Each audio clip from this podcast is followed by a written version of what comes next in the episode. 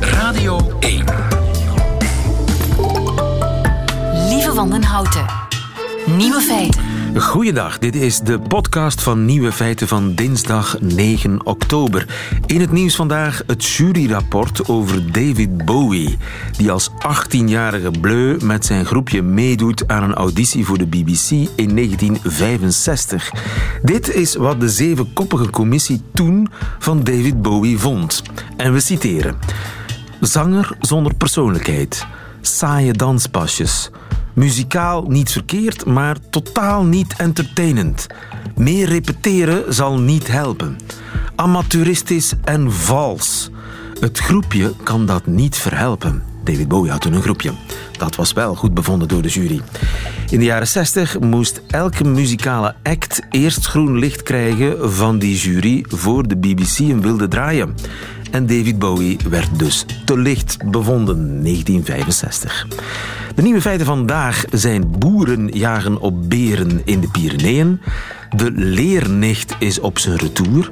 Diplomatieke hoogspanning rond de verdwenen Saoedische journalist Khashoggi. En ook is een moeilijk woord. Veel plezier. Nieuwe feiten. In de Pyreneeën zijn de boeren op berenjacht. Goedemiddag, Ton Joosten. Ja, goedemiddag. Boer zoekt beer om hem neer te knallen, als het ware, in de Pyreneeën. Ton Joosten, jij woont in de Pyreneeën. Hè? Wat doe je daar? Ja. Ik heb een uh, kleine herberg voor, uh, voor mensen die hier uh, in de bergen willen wandelen. En komen die mensen soms beren tegen? Nee, dat is nog niet gebeurd. het is wel zo dat ik, nou, dat ik zelf en ook mensen die hier komen, die, die kunnen wel eens sporen van beren vinden. Dat, gebeurt een hele enkele keer.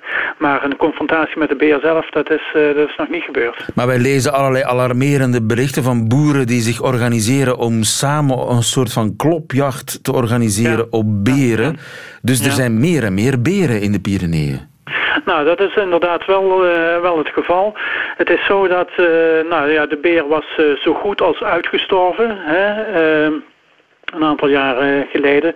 Er zijn in de loop van de tijd wat, wat beren uitgezet. Uh, die zijn zich aan het voortplanten. Uh, vooral de laatste jaren zijn er nog wel wat, eh, wat bijgekomen. En nu zitten we nog steeds met een hele kleine populatie hoor. Dat zijn een goede 40 beren. Uh, dus over de hele Pyreneeën. Dus waar hebben we het eigenlijk over? Maar... Vorige week zijn er nog twee zwangere berinnen per helikopter door de regering in de Pyreneeën gedropt. Ja, nou, het zijn twee vrouwtjes. Het is niet helemaal zeker of ze ook daadwerkelijk zwanger zijn. Maakt ook niet zo heel veel uit, maar het zijn wel twee vrouwtjes. En die zijn in de westelijke Pyrenee uitgezet omdat daar uh, en er zijn eigenlijk nog maar twee beren over. En dat zijn twee mannetjes die geen contact hebben met de rest van de populatie.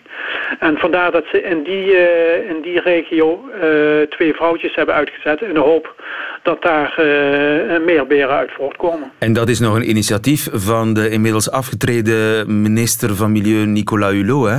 Inderdaad. Ja, die, uh, die was daar inderdaad voor. En uh, uh, nou, hij heeft het als, niet meer als minister mogen meemaken, maar hij heeft het wel in gang gezet en goedgekeurd. Ja. ja, ze kwamen uit Slovenië, de zwangere, of al dan niet, de vermeend zwangere bruine beren. Nu, ja. hier is duidelijk sprake van een, ja, een, een misverstand tussen de, de Franse regering en de boeren. Want die boeren zien die beren die de Franse regering daar dropt niet graag komen.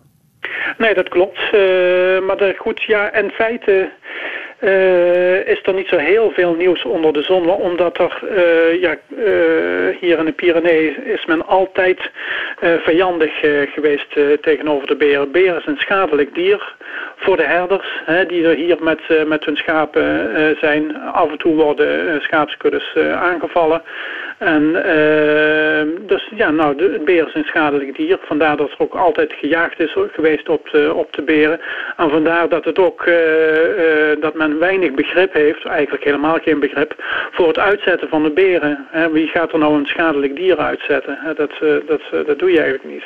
Ehm, dus dat is eigenlijk wat er, wat er aan de hand is. Maar dat is een heel oud verhaal. En zijn er al beren daadwerkelijk geschoten? Nieuwe beren, zeg maar, door boeren?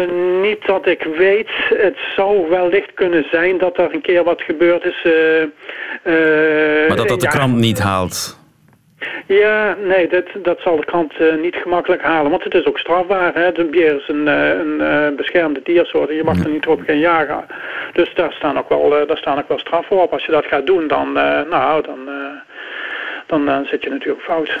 En wat doet die beer verkeerd? Eet hij heel de kuddes op? Nee, zeker niet. Uh, voor, een groot gedeelte, uh, voor een groot gedeelte eet hij plantaardig en af en toe ook vlees. En ja, er lopen, ja, ik mag het niet zeggen, maar er, lopen natuurlijk heel veel schapen rond in de Pyreneeën. Dus het is een, een vrij gemakkelijke prooi voor, uh, voor de beren. En uh, af en toe uh, vergrijpt hij zich daaraan. Ja, dat, dat is zeker zo. Um, nou, en het is ook niet zo dat de, de, de herders in de kou blijven staan. Hè. Ze worden ook financieel gesteund. Hè. En voor elke, elk schaap dat, dat Opgepeuzeld wordt, krijgen ze een flinke vergoeding. Krijgen ze in ieder geval een vergoeding voor. En die vergoeding schijnt ook helemaal niet zo slecht te zijn. Ook in twijfelgevallen uh, wordt, er, wordt er vergoed. Uh, zo, uh, herders worden op verschillende manieren gesteund. En, maar nou, toch is hen dat niet genoeg. hoe verklaart u dan die rabiate anti-beerhouding? Ja, ik denk dat uh, de, de, deze, deze hele sector zich ook wel bedreigd voelt. Het is een sector die het niet makkelijk heeft.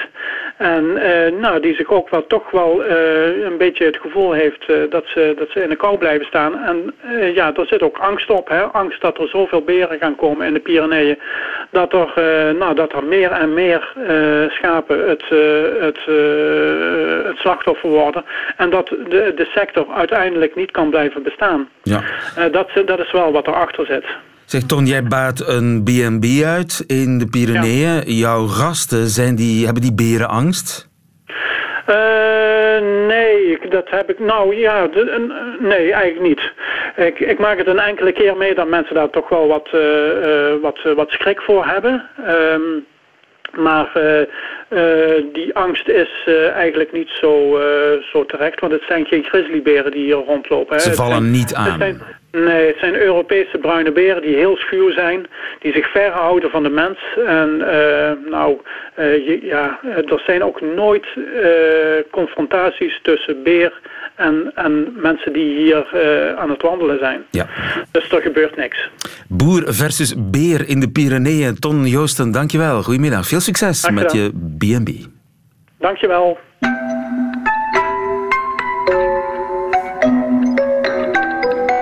Nieuwe feiten. Het gaat eigenlijk niet zo goed met de leernecht. Dag Jeroen. Goedemiddag, lieve. Jeroen van Lievenhogen, organisator van de Leather Pride. Uh, in Londen is er nog één bar over, één leather bar van de ooit zo bloeiende scene. Er zijn er vijf op korte tijd gesloten. Bij gebrek aan belangstelling. En ook die laatste, de Backstreet, die heeft het niet makkelijk. Zijn uh, de leather boys op hun retour? Hangen ze de politiepet aan de haak, de snor? Scheren ze die af, de laarzen trekken ze uit? Werkt het niet meer? Is de leather boys een seksappeal kwijt? Uh, absoluut niet. Uh, die scene die groeit en bloeit als ooit tevoren. Uh, ik vergelijk met toen ik er pas inkwam en nu zijn er zoveel mensen die erbij gekomen zijn. Het is echter niet alleen meer de, de Leather Boys. Je hebt ook een hoop andere fetishes die er ook bijgekomen zijn. En sommige mensen veranderen al een keer, switchen al een keer.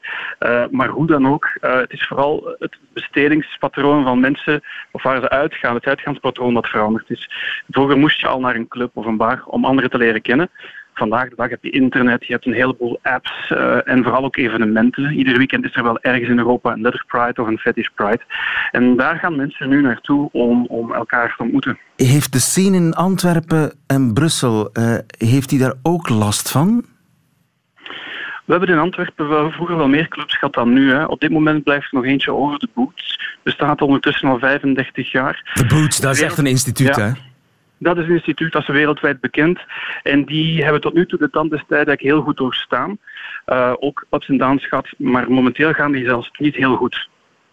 En als je daar binnenkomt, dan treed je echt een andere wereld binnen, hè? Absoluut. En er is ook een strikte dresscode uh, waar je echt aan moet voldoen. Uh, iets dat je in nog maar heel weinig plaatsen, clubs in, in, in deze wereld nog maar hebt. Vroeger was dat veel couranter. En een, een gewone jeansbroek, mag dat nog? Uh, de minimumvereiste is een jeans in de boots met een effenkleurig t-shirt. En liefst geen fel geel of een of andere vrolijke kleur. Oeh, wauw. En dus daar staat iemand aan de poort die uh, de duim omhoog of omlaag uh, steekt? Uh, absoluut, absoluut. En dat geldt voor iedereen die komt. Ook hele bekende mensen? Mochten die komen, dan geldt voor hen dezelfde regel als voor alle anderen, absoluut. Ja, en dus je moet wel een leren jas aan hebben, maar een jeansbroek mag? Je moet geen leren jas aan hebben, dat is, uh, dat is een van de opties. Maar ah, jeansbroek is wel Dus je, je, hoeft niet echt in het leer te zijn om in uh, de, le de leerclub binnen te mogen? Vroeger wel. Heel in het begin was dat absoluut noodzakelijk. Maar die regels zijn een beetje versoepeld. Ook al om mensen een eerste keer kennis te laten maken zonder dat ze daarvoor uh, een gigantisch budget aan, aan kledij moeten uitgeven. Ja, Zeker in het begin. En voor jonge mensen is dat geen evidentie. Maar dus die looks die veranderen ook. Want ik dacht altijd, ja, dat is in geen 50 jaar veranderd. Uh, zwarte politiepet, zwarte broek, zwarte chaps, eventueel snor leren jas. Dat is een soort look die, die, al, die onveranderd blijft. Maar dat, daar zit dus toch evolutie in. Wel, het is inderdaad een vaste look die ook de dag van vandaag nog altijd heel tekenend tekenend is voor die scene. Um, maar er is heel veel evolutie en die zitten vooral niet zozeer in, in leer, maar in, in andere materialen, in sportswear, in army, in, in, in latex, dat soort dingen. Men is daar het is makkelijker om daarmee creatief aan de slag te gaan en origineel ontwerpen te maken, uh, andere kleuren te importeren. Terwijl dat bij leer iets moeilijker is, uh, ook duurder en daardoor ook minder snel van de grond komt. Ja. Dus de originaliteit en innovatie zit veel eerder in de andere fetishes. En hoe is die cultuur eigenlijk ooit ontstaan? Wie was eigenlijk de eerste leatherboy? Het is ergens ontstaan in, uh, in Amerika, jaren 40, 50, 60, die periode. En dat was eigenlijk omdat je toen in de, in de maatschappij werd het beeld opgehangen van de homo. Dat is een, een man die vrouwenkleren rondloopt en naar theater en ballet gaat. Dat was een beetje het heersende beeld in de media, werd mee gelachen. En voor heel veel mannen was dat natuurlijk aanstootgevend. En die zijn toen een stijl gaan adopteren die op dat moment uber macho en stoer was bikers, uh, militair, uh, dat soort dingen, politieagenten, dat allemaal samen, heeft dan eigenlijk dat beeld gevormd dat we de dag van vandaag nog altijd kennen. En wat ook eigenlijk ja, vereeuwigd is door uh, de Finse kunstenaar Tom of Finland, die heel bekend is voor zijn, zijn typische leatherboy looks. En daar heeft men zich op gebaseerd. Ja, en zal hij ooit verdwijnen, denk je? Zoals hij gekomen is? Nee, nooit. Gaat altijd blijven bestaan. Dat gaat altijd blijven bestaan. En heeft het met... Hoe ben jij er zelf in gerold? Heeft het met de fetish te maken? Ik, via vrienden, via vrienden. En ik ben altijd al nieuwsgierig van aard. Ik wil al een keer geprobeerd hebben, bij wijze van spreken. En uh, ja, ik vond dat zo een fijne community. Mensen zijn er super vriendelijk. Heel anders dan wanneer ik uitging in het gewone uitgaansleven. En ik ben daar blijven hangen. En ja, ik ben er blij van dat ik eigenlijk van mijn beroep heb van kunnen maken om voor die mensen iets terug te doen. Dus voor jou was het eigenlijk voornamelijk de broederlijkheid die in die kringen heerst? Absoluut, absoluut. Dat is, dat is echt family. En dus dat het niet veel uitmaakt of je nu uh, ietsje zwaarder gebouwd bent, of dun of wat ouder bent, dat maakt allemaal niet uit? Nee, absoluut niet. Daar wordt nooit naar gekeken en dat is het, het leuke ervan. Dat is echt zo all-inclusive. Ja, echt top. En dus er is geen probleem met de, de Leatherboy? Uh, door het feit dat er heel veel meer fetishes beschikbaar zijn of toegankelijk zijn, staat die Leatherboy dat wel een beetje onder druk omdat mensen dan een keer gemakkelijk wisselen van, van outfit of een keer een andere stijl aannemen. Maar die zal nooit verdwijnen en dat is een kwestie van ups en downs. En ook die baarslieven, ik denk op verloop van tijd dat die ook wel terug zullen komen. Jeroen van Lievenhogen, dankjewel. Goedemiddag. Radio 1. Nieuwe feiten. Waar is Jamal Khashoggi? Precies een week geleden bezocht de Saoedische journalist in Istanbul het Saoedische consulaat om wat papieren te regelen voor zijn trouwerij. Buiten wachtte zijn verloofde vol ongeduld, maar toen hij na een paar uur nog niet buiten was gekomen, sloeg zij alarm. En sindsdien heeft zij haar aanstaande niet meer teruggezien. Lucas Waagmeester in Turkije, goedemiddag. Hi, goedemiddag. Jamal Khashoggi, hij was ooit hoofdredacteur van een belangrijke Saoedische krant, hè? Ja, hij was uh, ook op zich zeer na aan het uh, Saoedische Koningshuis. Hè. Hij kende iedereen daar goed, had daar goede contacten, heeft zelfs een adviseursfunctie gehad, ook nog binnen uh, de Saoedische regering. was een, een, gerenommeerd journalist, is een gerenommeerd journalist. Hè. We weten niet of we over hem inmiddels in de verleden tijd moeten spreken, maar iemand die in ieder geval vorig jaar toch wel voelde dat de grond wat heet onder zijn voeten werd vrienden van hem die in de gevangenis verdwenen. Zijn column uh, moest uit de krant worden geweerd. En toen dacht hij, misschien is het tijd om te gaan. Hij heeft, vorig jaar heeft hij zich gevestigd in Amerika. En daar is hij blijven schrijven. In de Washington Post onder andere. Commentaar blijven geven. Ook kritiek blijven leveren op de nieuwe koers van de Saoedische Koningshuis. Hè, meer repressie, meer, uh, minder ruimte, steeds minder ruimte voor het tegengeluid, voor uh, dissidentengeluiden. Ja, en uh, hij lijkt daar nu het slachtoffer van ja. te zijn geworden. Dus de laatste jaren werd hij alsmaar kritischer voor Bin Salman, de kroonprins, de nieuwe sterke man in Saoedi-Arabië. De vraag is, leeft hij nog? Ja, we weten heel weinig zeker. Uh, wat we zeker weten is dat Jamal Khashoggi vorige week dinsdag op afspraak het Soedische consulaat binnenliep. Hij had uh, vier dagen daarvoor die afspraak gemaakt. Uh, er zijn camerabeelden van bewakingscamera's dat hij dat consulaat binnenloopt. En dat hij daarna niet meer naar buiten is gekomen. Althans, niet uit eigen beweging, niet lopend en uh, niet te zien op diezelfde camerabeelden. Dus uh, wat je net zei, inderdaad, die, zijn verloofde stond buiten te wachten. Ze heeft wel alarm geslagen, maar heel veel uren later. Dus ja, er is heel veel tijd overheen gegaan voor er echt actie is ondernomen. In de tussentijd kan er natuurlijk van alles zijn gebeurd. En uh, we, we, kennen eigenlijk behalve deze paar details nog steeds heel weinig andere feiten over uh, ja, waar hij is of wat er met hem gebeurd kan zijn. En wat zeggen de Saoedi's zelf? Zij zeggen dat ze zelf ook bezorgd zijn over uh, waar uh, Khashoggi gebleven is. Uh, hij, ze zeggen dus dat ze ook niet weten wat er gebeurd is. Ze, hebben, ze zeggen dat zij hem weer naar buiten hebben zien lopen. Waarvan de Turkse regering nu natuurlijk zegt, nou toon dat dan aan. Laat ons dan beelden zien waarop die naar buiten loopt. Maar de Saoedi's zeggen, ja toevallig op die middag, die dinsdagmiddag vorige week... waren onze beveiligingscamera's niet ingeschakeld. Dus wij hebben geen beelden van die middag. Um, er zijn wel wat sporen hoor. Er is wel, er is wel wat, ik zeg maar zeggen, lead voor het onderzoeksteam hier aan Turkse kant. Hè. Onderzoek focust zich nu bijvoorbeeld op 15 Saoediërs die op die dinsdag, de dag van de verdwijning, uit Riyadh zijn komen invliegen. Ze hebben het consulaat hier in de stad bezocht. Zijn diezelfde dag weer vertrokken. Dat is uiteraard ja, toch wel verdacht. Hè. Wat deden zij daar dan? Wie zijn deze mensen? Dat zou een murder team van 15 man kunnen zijn geweest. Ja, dat, nou ja, dat is een. Uh, uh, daar wordt nu over gespeculeerd, inderdaad. Dat zij misschien betrokken zijn geweest bij, dit, uh, bij deze verdwijning. En er zijn twee zwarte minibusjes. Eentje met geblindeerde ruiten. beide met diplomatieke kentekenplaten. Die op die bewuste dinsdag het consulaatterrein hebben verlaten. de bewakingscamera's hebben niet kunnen registreren wie er in die busjes zaten zijn natuurlijk ook diplomatieke uh, platen. Het is diplomatiek terrein, dus het is altijd heel ingewikkeld. Hè? Daar mag je niet zomaar als gastland uh, intreden. Um, dus ja, ook het onderzoek uh, ja, probeert zich te focussen op die busjes. Waar zijn die busjes en, en, en wie zaten daarin? Ja. Dat zou er wellicht antwoorden kunnen geven. Maar kan Turkije zomaar een politieonderzoek gaan verrichten in het consulaat zelf? Dat is natuurlijk gevoelig, want er zijn inderdaad hè, harde internationale afspraken over. Uh, Zo'n terrein is in principe onschendbaar, maar de Saoedi's hebben gezegd, en dat is ook net het nieuws van, van een half uurtje geleden. Uh, de Saoedi's hebben eerder al gezegd, in principe zijn jullie welkom om te komen kijken. En uh, nu kwam het nieuws naar buiten dat ehm, die toestemming ook echt daadwerkelijk is. En dat een Turks rechercheteam dus het consulaatterrein gaat doorzoeken.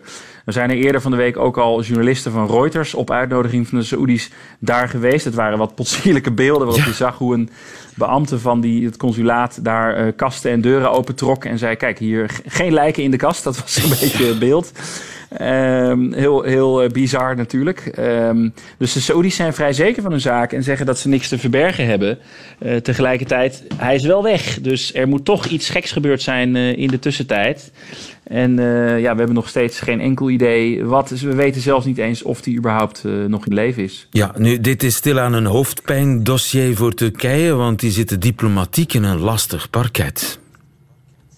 Zeker, ja. Dit, dit, dit schaadt die verhoudingen tussen Turkije en Saudi-Arabië. Er zijn harde internationale afspraken. Uh, hè, waar, wat we net zeiden over die onschendbaarheid van die diplomatieke posten. Maar dat valt of staat natuurlijk wel allemaal bij vertrouwen. Als op zo'n grove, brutale manier die afspraken worden geschonden. Ja, dan doet dat echt iets met het vertrouwen tussen deze twee landen. Uh, Saudi-Arabië en Turkije zitten hier ook al niet heel lekker met elkaar. Hè. Eh, het zijn niet de allerbeste vrienden. Ze staan aan weerskanten van het krachtenveld uh, rondom Iran bijvoorbeeld. Oneenigheid over de steun aan de, de, de machtige moslimbroederschap hier in de regio. Er zit echt spanning tussen die landen.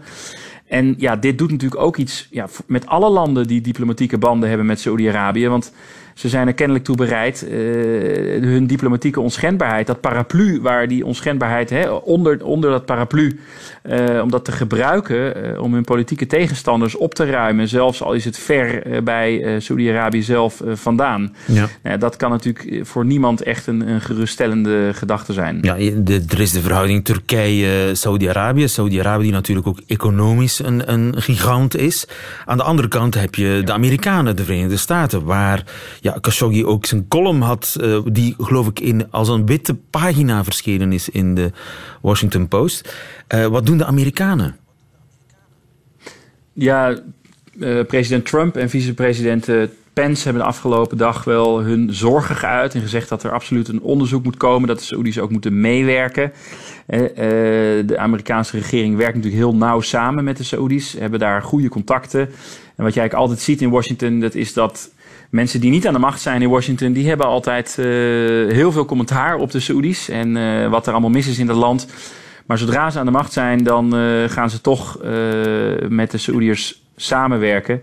Dus ja, de vraag is uh, of uh, de Amerikaanse, uh, of het Witte Huis althans, echt met harde maatregelen tegen Saudi-Arabië durft te komen. Ja. En met, met harde sancties als ze hier geen opheldering over, over ja. willen geven. Dus dit is ook een beetje die een verhaal. Die band die is te nauw. Dit is ook een beetje een verhaal van ja, justitie versus economie.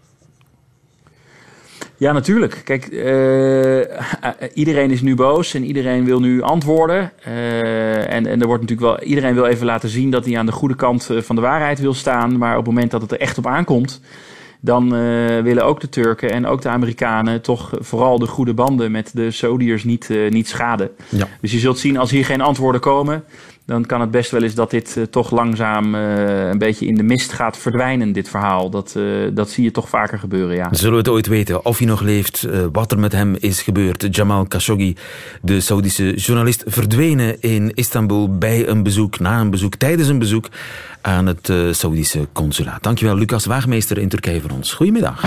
Radio 1. Nieuwe feiten. De simpelste woorden die zijn het moeilijkst uit te leggen. Neem bijvoorbeeld het woordje ook. Zelfs Vandalen slaagt er kennelijk niet in om alle betekenissen van het woord ook uit te leggen. Goedemiddag, Mark van Oostendorp. Goedemiddag. Ja. Onze favoriete taalkundige. Hoe moeilijk kan het zijn om ook uit te leggen? Nou ja, uh, probeer, probeer het maar eens om te beginnen. Hè? Dus uh, je kunt zeggen, nou, meestal betekent ook zoiets als evenals. Maar als je daar dan over gaat nadenken, wat betekent dat dan precies? Dus zelfs in een heel simpel zinnetje van uh, Piet gaat naar het feest en Jan komt ook. Jan wat betekent, ook. Jan wat, komt evenzeer. Jan komt. Ja, we kunnen er equivalenten voor bedenken. Maar als je erover nadenkt wat dat precies betekent. Dus het betekent niet alleen Jan gaat naar dat feest. Piet gaat naar dat feest net zo. Ja, het is, ik, ik, ik kan het eigenlijk zelfs niet eens goed uitdrukken zonder inderdaad zo'n equivalent te gebruiken waarvan ik ook niet heel goed begrijp ja. wat het betekent. Oké, okay, maar iedereen weet wat het is, ook omdat het, ook omdat het uh, in andere talen uh, een equivalent heeft. Hè? Aussi. Aussi, aussi, also, auch, ja. Uh, dus iedereen begrijpt wel wat die ook betekent. Maar kennelijk is vandalen toch een aantal uh, betekenissen, betekenissen van ook vergeten. vergeten. Ja, en ze, ze, noemen er zelfs acht in de laatste uh, editie. Maar dan nog, als het bijvoorbeeld gaat over een ander eenvoudig gesprekje. Iemand zegt, Peter ziet er slecht uit. Ja. En dan zegt iemand anders, hij is dan ook lang ziek geweest. Oké. Okay. wat betekent dat ook in die zin? Dat betekent niet evenzeer. Het, is niet, eh, het wordt niet naast elkaar gezet dat slechter uitzien en eh, lang ziek ge- Ja. geweest zijn. Het betekent wel iets, want als je dat weglaat en je zegt Piet, Piet ziet er slecht uit, hij is lang ziek geweest. Dat betekent net wat anders. Dat betekent net wat anders dan hij is dan ook lang ziek geweest. Dan ook, dat betekent zoiets als.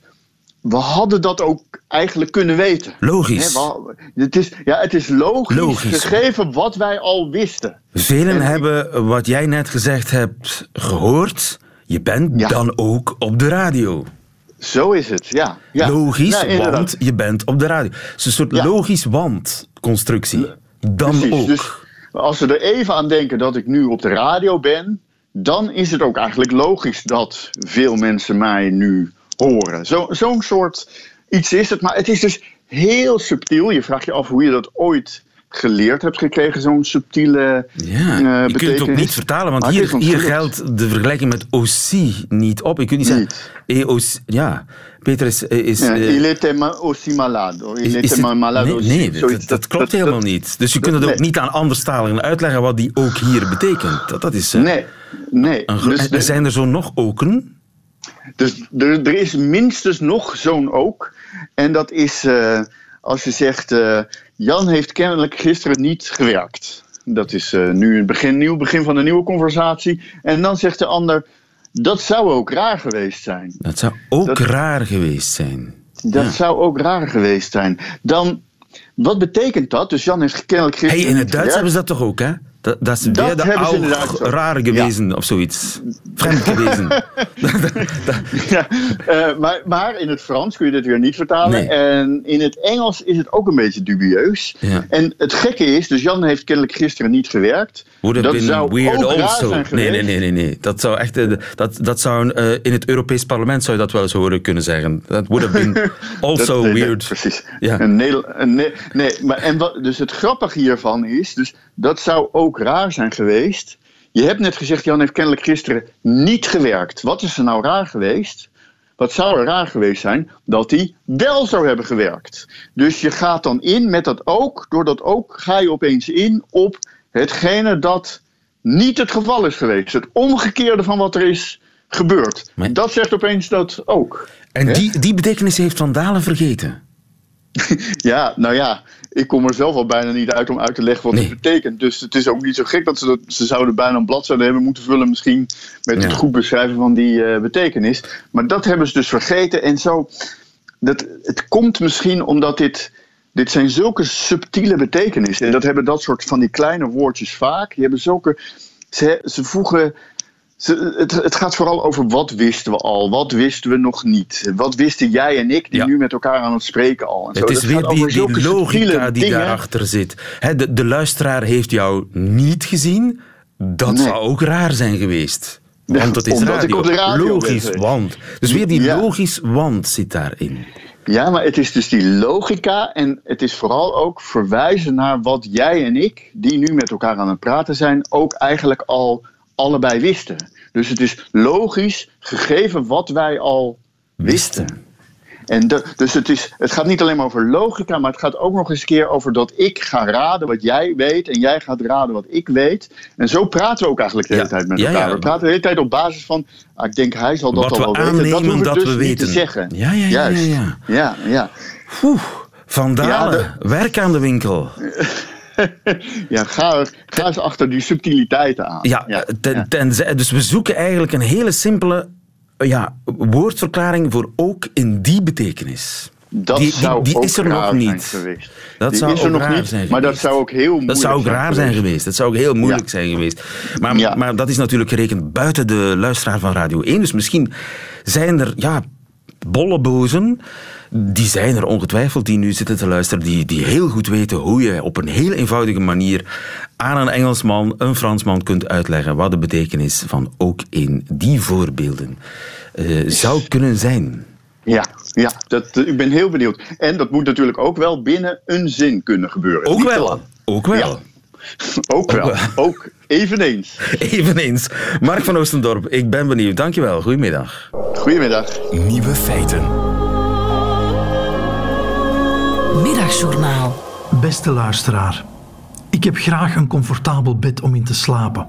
Ik eet graag comfortfood in de winter en ik ga ook graag om met mensen waar ik mij comfortabel bij voel. Als je het mij vraagt, hou ik van comfort. Bovendien krijg ik het jeuksel van inspirational quotes die zeggen dat ik af en toe uit mijn comfortzone moet komen. Onlangs reed ik een weekendje door de Franse Ardennen. Iemand moet het doen, want de oorspronkelijke bewoners hebben de streek grotendeels verlaten. Ik had een adresje geboekt aan een comfortabel prijsje en werd er ontvangen door Maddy. Maddy had brochures en wist dat wandelen zowat het hoogtepunt is wat de streek te bieden heeft. Het dichtstbijzijnde restaurant lag op 5 kilometer en bleek een frituur. Tijdens de maaltijd vroegen we ons af waar de Ardennezen in die door God en Klein-Pierreke verlaten streek s'avonds hun tijd mee zouden verslijten. Die hebben heel Netflix al leeggekeken, dachten we. Toen we die avond vroegen of we nog een flesje wijn mochten ontkurken in haar tuin, was Maddy resoluut. We moesten en zouden een glas komen drinken bij haar buren. Ze waren namelijk muziek aan het maken. Ik werd meteen ongemakkelijk bij de gedachte dat ik in het gezelschap van vier totaal vreemde muzikanten aan een glaasje wijn moest sippen, maar de vriendelijke druk was te groot om te weigeren. Het gezelschap bleek te bestaan uit Maddy's man Louis, een Peruviaan met een gitaar, haar buurvrouw Carmen, die een Waalse bleek met Spaanse roots, en haar man Jacques. Hoewel hij door het gezelschap Jaquito werd genoemd, was hij een volbloed Fransman. Louis pakte zijn gitaar om ons te verwelkomen en speelde een Zuid-Amerikaanse evergreen, een siempre verde, zo je wil. De vrouwen zongen uit volle borst en Jaquito hield onzichtbaar voor het blote oog onder de tafel twee bongo's tussen zijn knieën gekneld waarop hij het ritme meetikte. Zijn blik zijdelings alsof hij met het hele tafereel niks te maken had. Mocht de politie binnenvallen vanwege geluidsoverlast, zou hij bij hoog en bij laag beweren dat hij met die hele zaak niks te maken had. Zo keek hij. Het was een beetje ongemakkelijk glimlachen gedurende dat hele lied. De uitvoerders keken recht in mijn ogen. Ik vroeg Carmen na afloop hoe ze als Belgische in Frankrijk was terechtgekomen. Ze had een hekel aan ons Belgen, zei ze. Alleen jullie sociale zekerheid is beter. Louis vroeg snel wat we konden meezingen. En voor ik kon antwoorden, had hij Guantanamera ingezet. De druk om mee te zingen werd met de Guantanamera groter, tot ik er niet meer onderuit kon. Eerst voorzichtig, dan met steeds meer overtuiging zong ik mee in mijn beste jommeke Spaans. Ik zag mijn eigen handen ritmisch meekloppen op de tafel en realiseerde mij dat ik die avond uit mijn comfortzone was getreden en dat dat niet heel erg was. Ik had aan den lijve ondervonden hoe een Ardenees zijn avond doorbrengt en had levensechte Netflix-personages ontmoet. De zelfgemaakte CD die Maddy en Louis ter afscheid meegaven heet Flûte de Pan. Nummertje 7 is Guantanamera. De CD werkt beter dan de inspirational quote.